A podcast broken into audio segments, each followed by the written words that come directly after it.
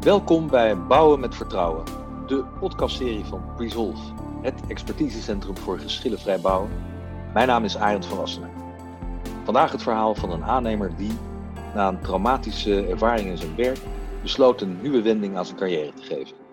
Ik praat met Paul Smeets, een van de meest bekende specialisten op het gebied van het oplossen van bouwgeschillen in Nederland. Welkom Paul. Dankjewel Arend, dank voor jouw vriendelijke introductie. Nou ja, graag gedaan Paul. Hey Paul, ik zou vandaag graag een paar dingen met je willen bespreken.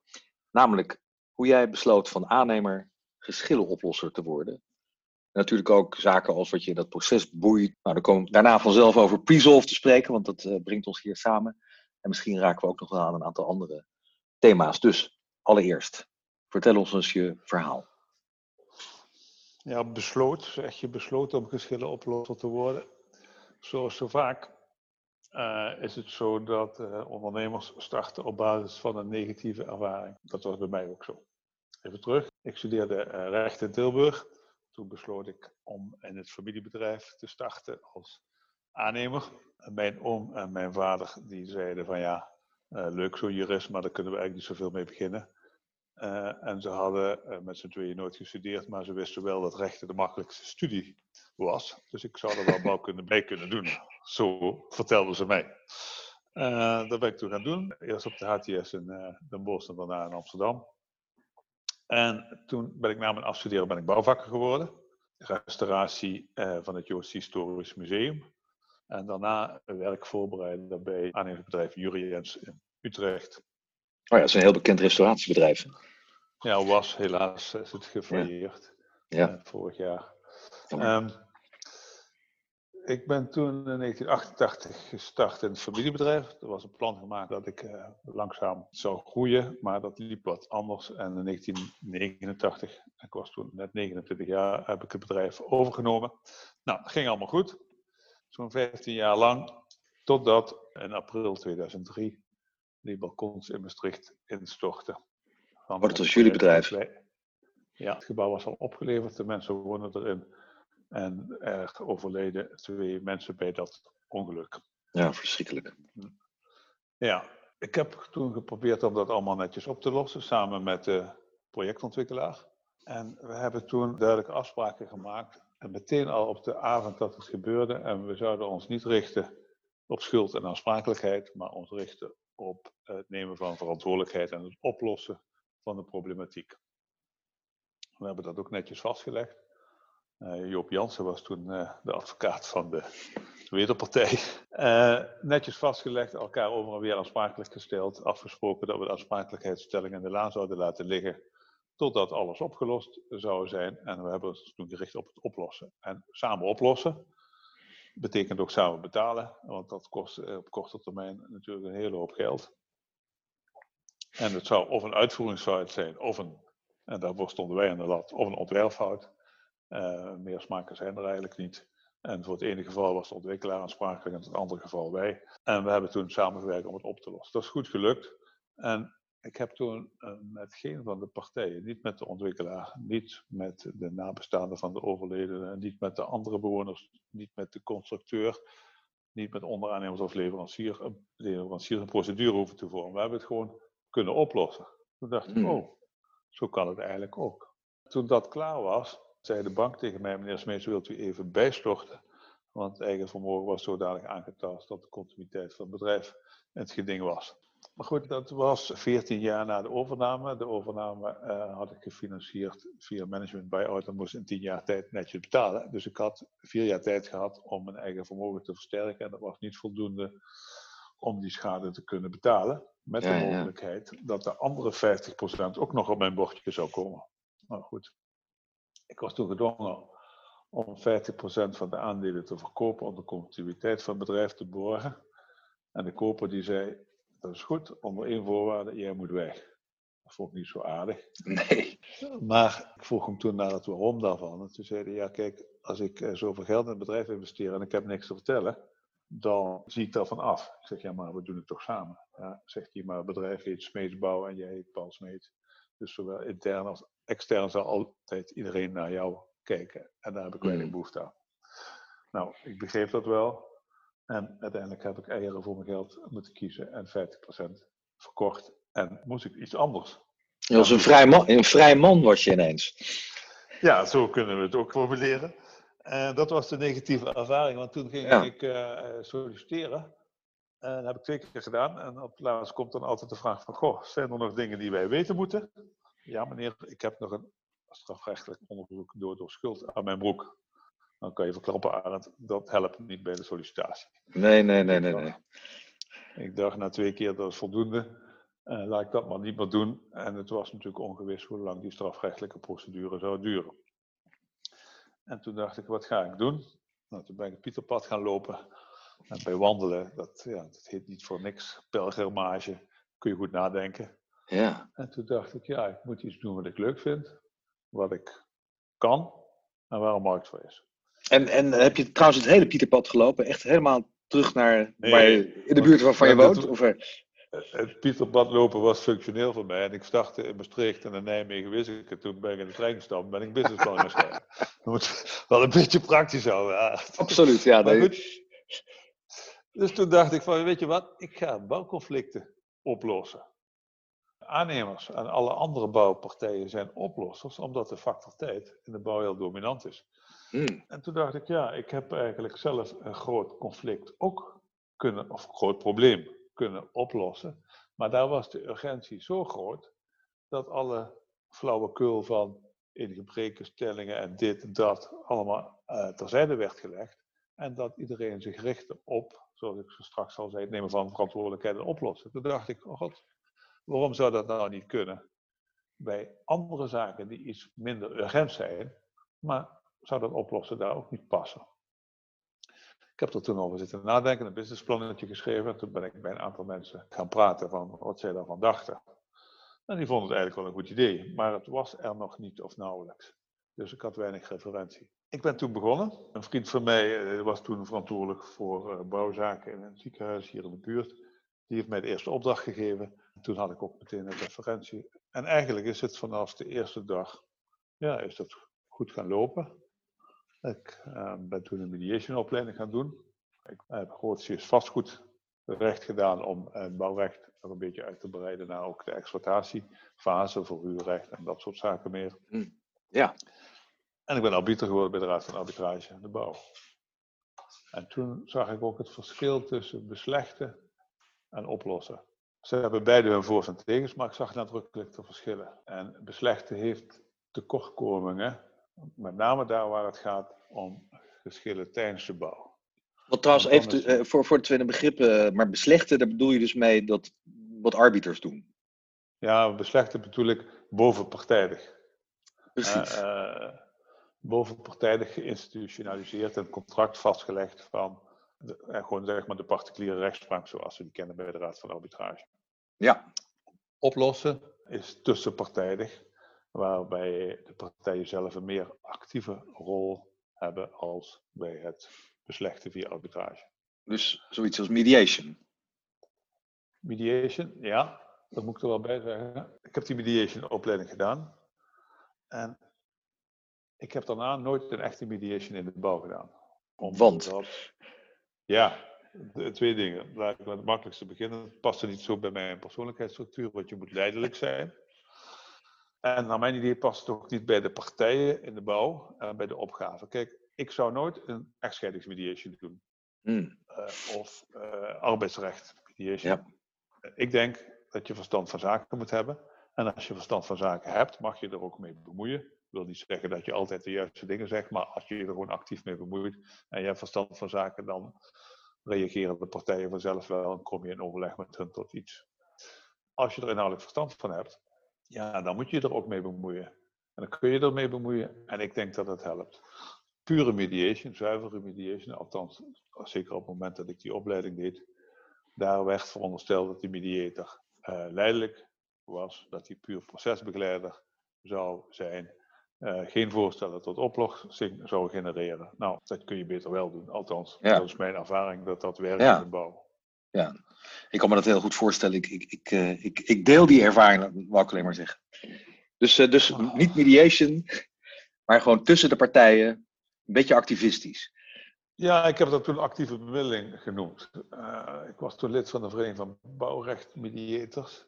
En dat was zo'n beetje, uh, ja, dat wat ik deed, daar keek men maar een beetje vreemd tegenaan. En toen dacht ik bij mezelf, god, volgens mij heeft de markt altijd gelijk. Ik heb voor 100% van mijn tijd werk. Hebben jullie dat ook? Uh, nee, nou, dan heb ik gelijk.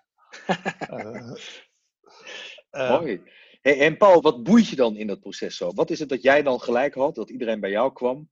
Wat was jouw interventie? Hoe ging dat? Kan je daar wat over vertellen?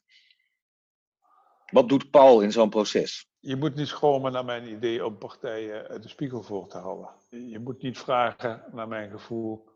Wat was jouw gevoel op het moment dat je met een meerwerknota werd geconfronteerd?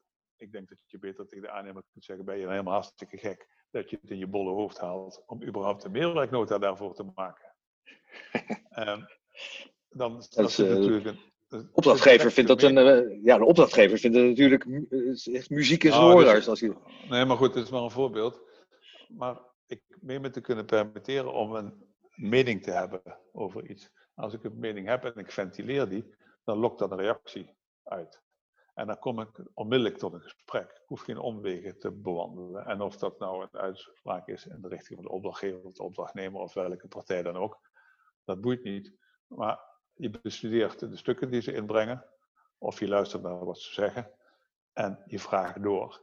En dat hoeft niet altijd neutraal te zijn. Als je dat doorvraagt, dat je positie en rol is natuurlijk neutraal. Hè? Maar eh, de wijze waarop je daar invulling aan geeft, ja, is een beetje eh, tenminste in mijn geval, een beetje activistisch. En uh, dan krijg je snel een gesprek. En uh, dan doe ik er nog vaak een schepje bovenop en dan worden ze boos. En dan krijg ik tenminste echt te horen hoe het zit. Hmm, dat is een beetje, ja. een, beetje, een beetje de manier. Dus je daagt ze een beetje uit ook? Ja. ja. Je lokt ze uit hun tent? Ja, en, ja, en, en, en, eh, met de beste bedoelingen, hè? niet om vervelend ja, ja. doen, maar gewoon om ze te helpen om tot oplossingen te komen. Ja, want dat, dat, dat is wat ze willen. Ze willen graag dat het wordt opgelost. Ja. Paul, wat, je, wat jij dan doet is, want bij rechters en bij, uh, bij arbiters en zo, begrijp ik altijd, daar uh, is het een probleem dat advocaten die er altijd bij zitten, die proberen eigenlijk alleen maar dat te vertellen aan zo'n rechter of een arbiter, waarvan zij denken, dat helpt mijn klant. En de rest houden ze geheim. Dat is niet iets waar jij boodschap aan hebt, denk ik, als je daartussen staat. Je wil gewoon alles weten. Ik respecteer natuurlijk die positie van de advocaat en ook het feit dat hij op die manier zijn rol vervult. Maar mhm. in de bemiddeling is dat anders. Ik uh, heb een model met bemiddelingsovereenkomst en ik neem die van tevoren met ze door. En ik zeg ook dat ik dat doe wat ik jou net vertelde.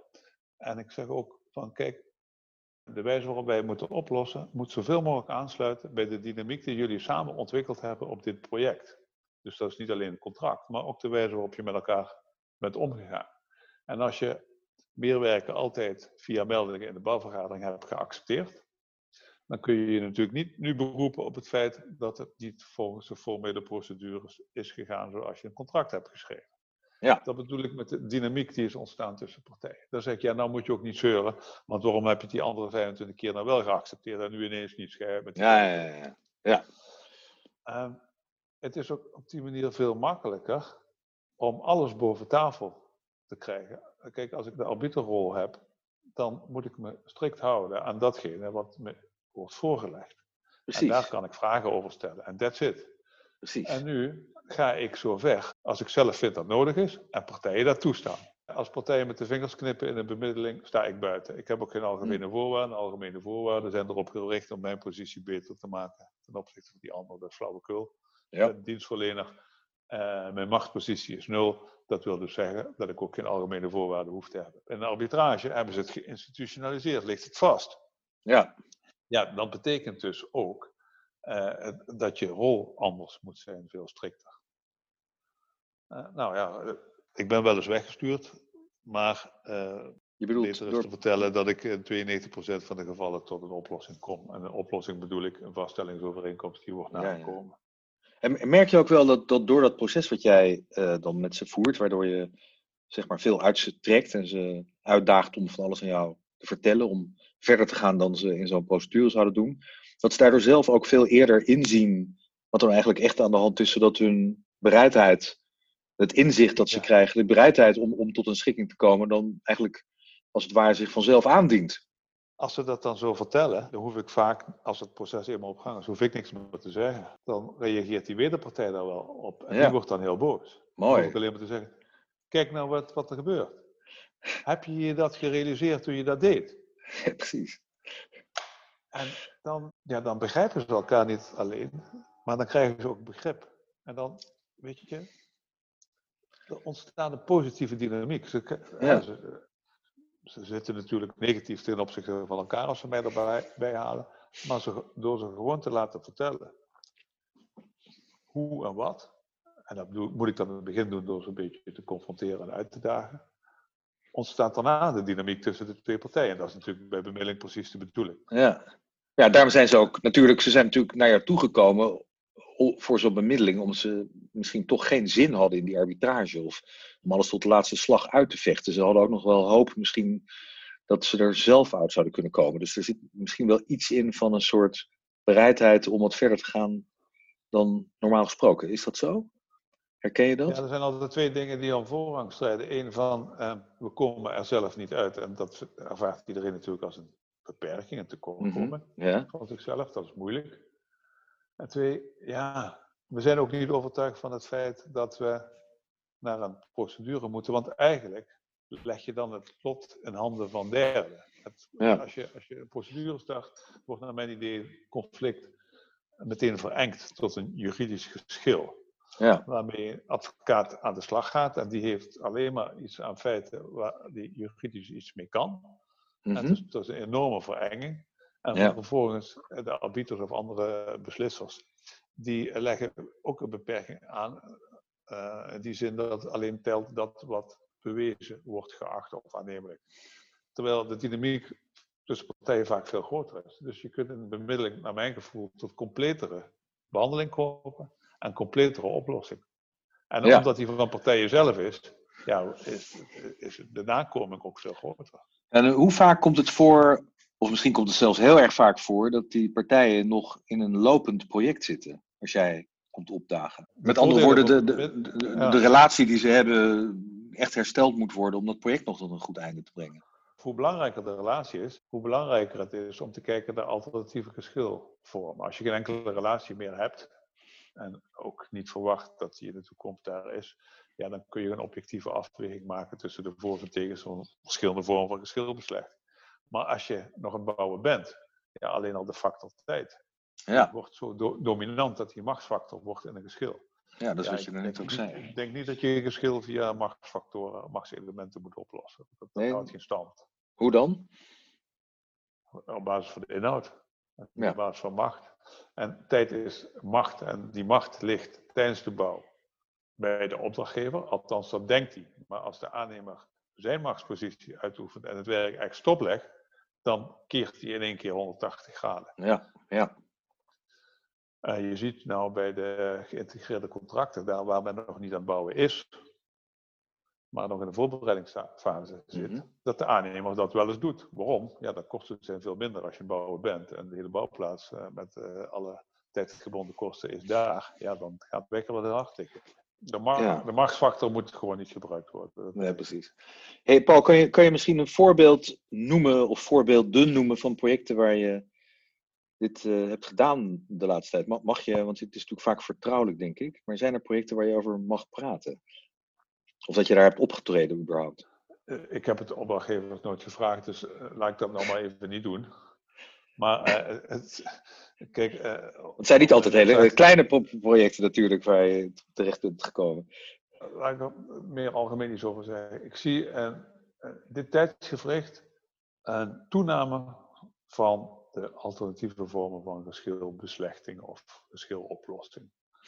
Eh, ik- ik ben blij dat het automatisme van probleem, conflict, advocaat, procedure, dat dat geen, ja, wat doorbroken wordt. Ik zeg niet dat, Hm. dat, dat die stap verkeerd zijn, maar ik zeg dat het automatisme verkeerd is. Als je een Ja. probleem hebt, denk er eens over na welke vormen van geschiloplossing zijn er. Ja, Eh, en niet meteen naar eh, de meest voor de hand liggende grijpen, maar denk eens na over. Nou, ik zie ook dat bij grote projecten partijen zien dat het niet automatisch verondersteld mag worden dat de samenwerking goed gaat. En dat steeds verder naar voren opschuift. En ik steeds meer wordt ingeschakeld bij het voorkomen. En dat vind ik eigenlijk het leukste.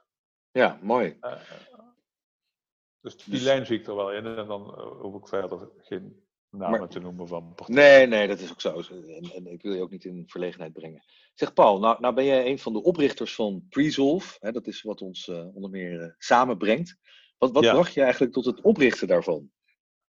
Ja, dat, dat, dat ligt aan Huub Sprangers.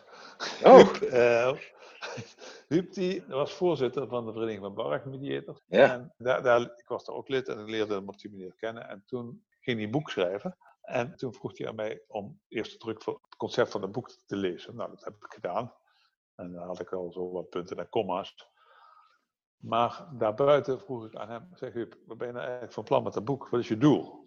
Ja, zegt hij, ik wil graag de wereld meer bewust maken van het feit dat ze ook moeten kijken naar alternatieve vormen van geschiloplossing of beslechting. Ik zeg, nou, daar ben ik het 200% mee eens, maar dan gaat je met dat boek niet lukken. Oh. Niet, omdat het geen goed, niet omdat het geen boek, goed boek is, maar omdat ik denk dat je met een boek alleen die beweging niet tot stand brengt. En ik was het helemaal met dat doel van hem eens. Toen zei ik, Huub, dat moet anders. Toen zegt hij, ja, hoe dan? Ik zei, nou, volgens mij moeten we een vereniging oprichten. En zo zijn we begonnen. En toen hebben we uh, jou onder andere benaderd en Joop van de Vijver. En toen zijn we met z'n vieren begonnen. Toen was het nou. spel op de wagen natuurlijk. En dan weet ik niet of het aan ons ligt of aan de ontwikkeling in het tijdsgevricht. Maar zoals ik net al zei, ik zie wel een toename. Want toen ik begon in 2004 eh, was ik volgens mij de enige, of in ieder geval een van de weinigen. En ik ken er nu al tien anderen die dat ook uh, met veel succes en veel plezier doen. Dus alleen daarom al meen ik te kunnen vaststellen dat het meer voorkomt, tot mijn grote genoegen. Ja, want ben je dan ook tevreden met de ontwikkelingen die, uh, die je hebt zien uh, optreden zo om je heen? In dit verband. Na het, na het oprichten van Presolve bijvoorbeeld, heeft dat voor jou, gaat het de goede kant uit? Ja, het gaat de goede kant uit, omdat ik gewoon zie in elk geval primair aan aannemerszijde dat er geen automatisme meer is.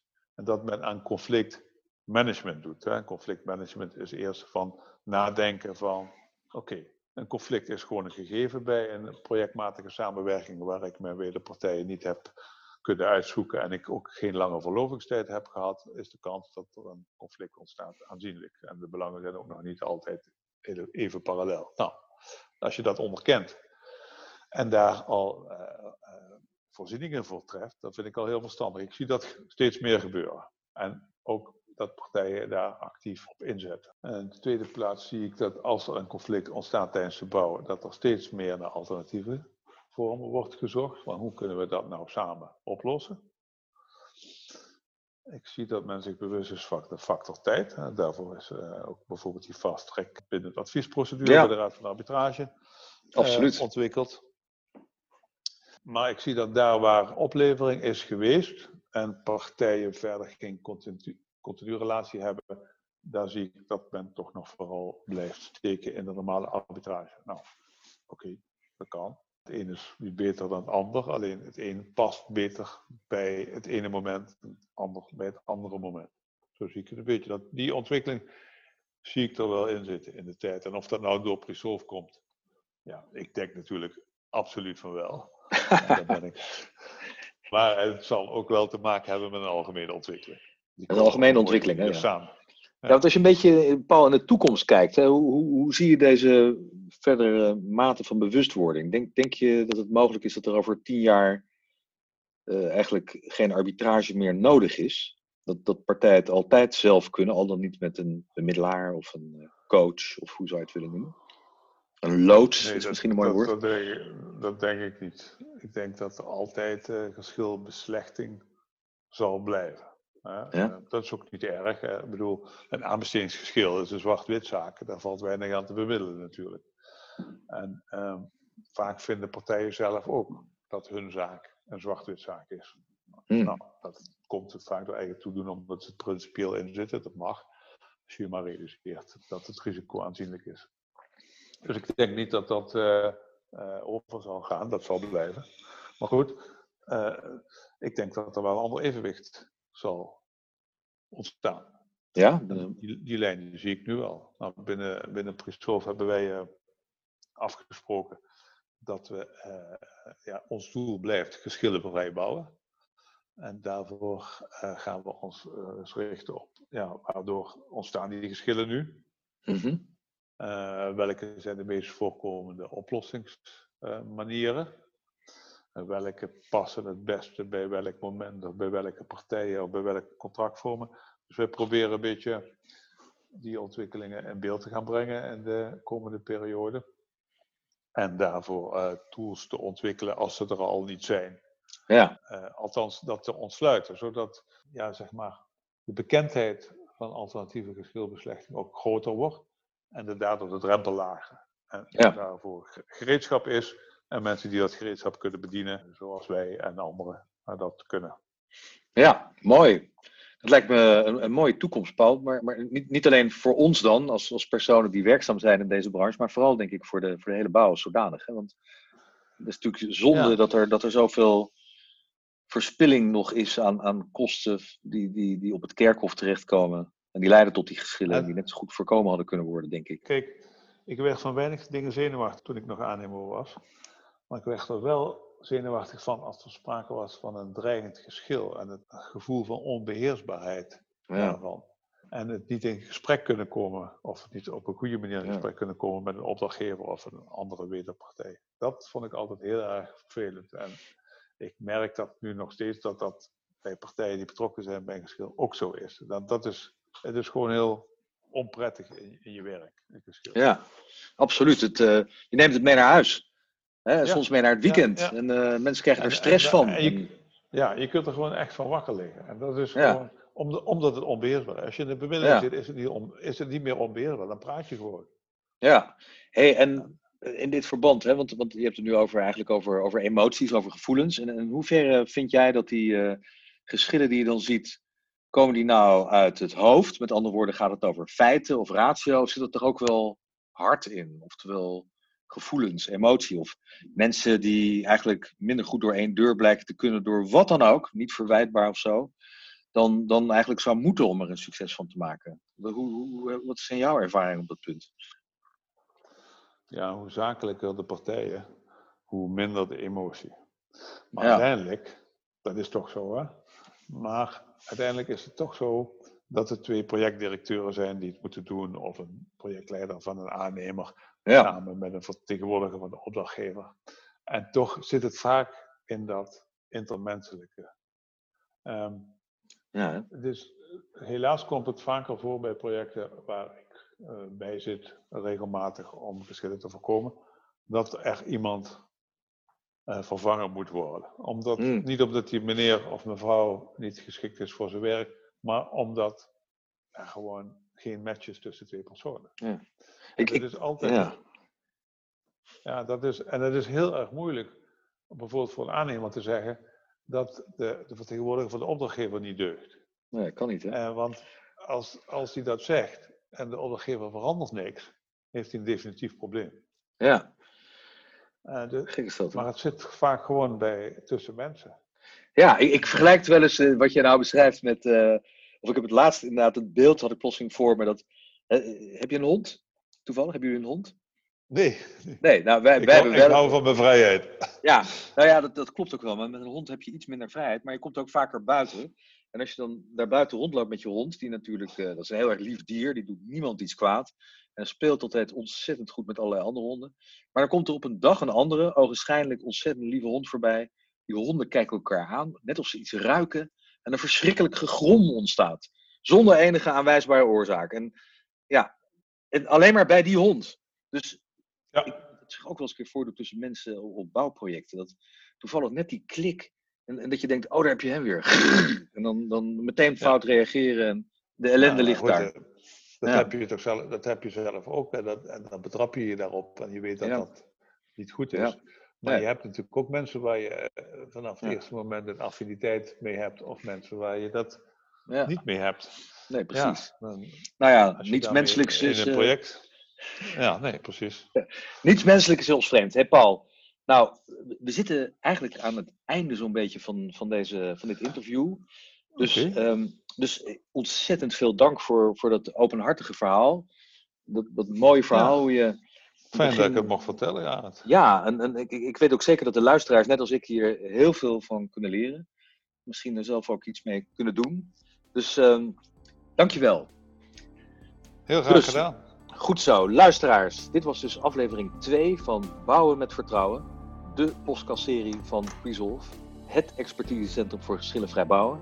En deze podcastserie is te beluisteren via Apple en Spotify. Waar je zich hier ook op kunt abonneren. Wij zien of horen u graag terug bij een volgende aflevering. En voor nu, tot ziens.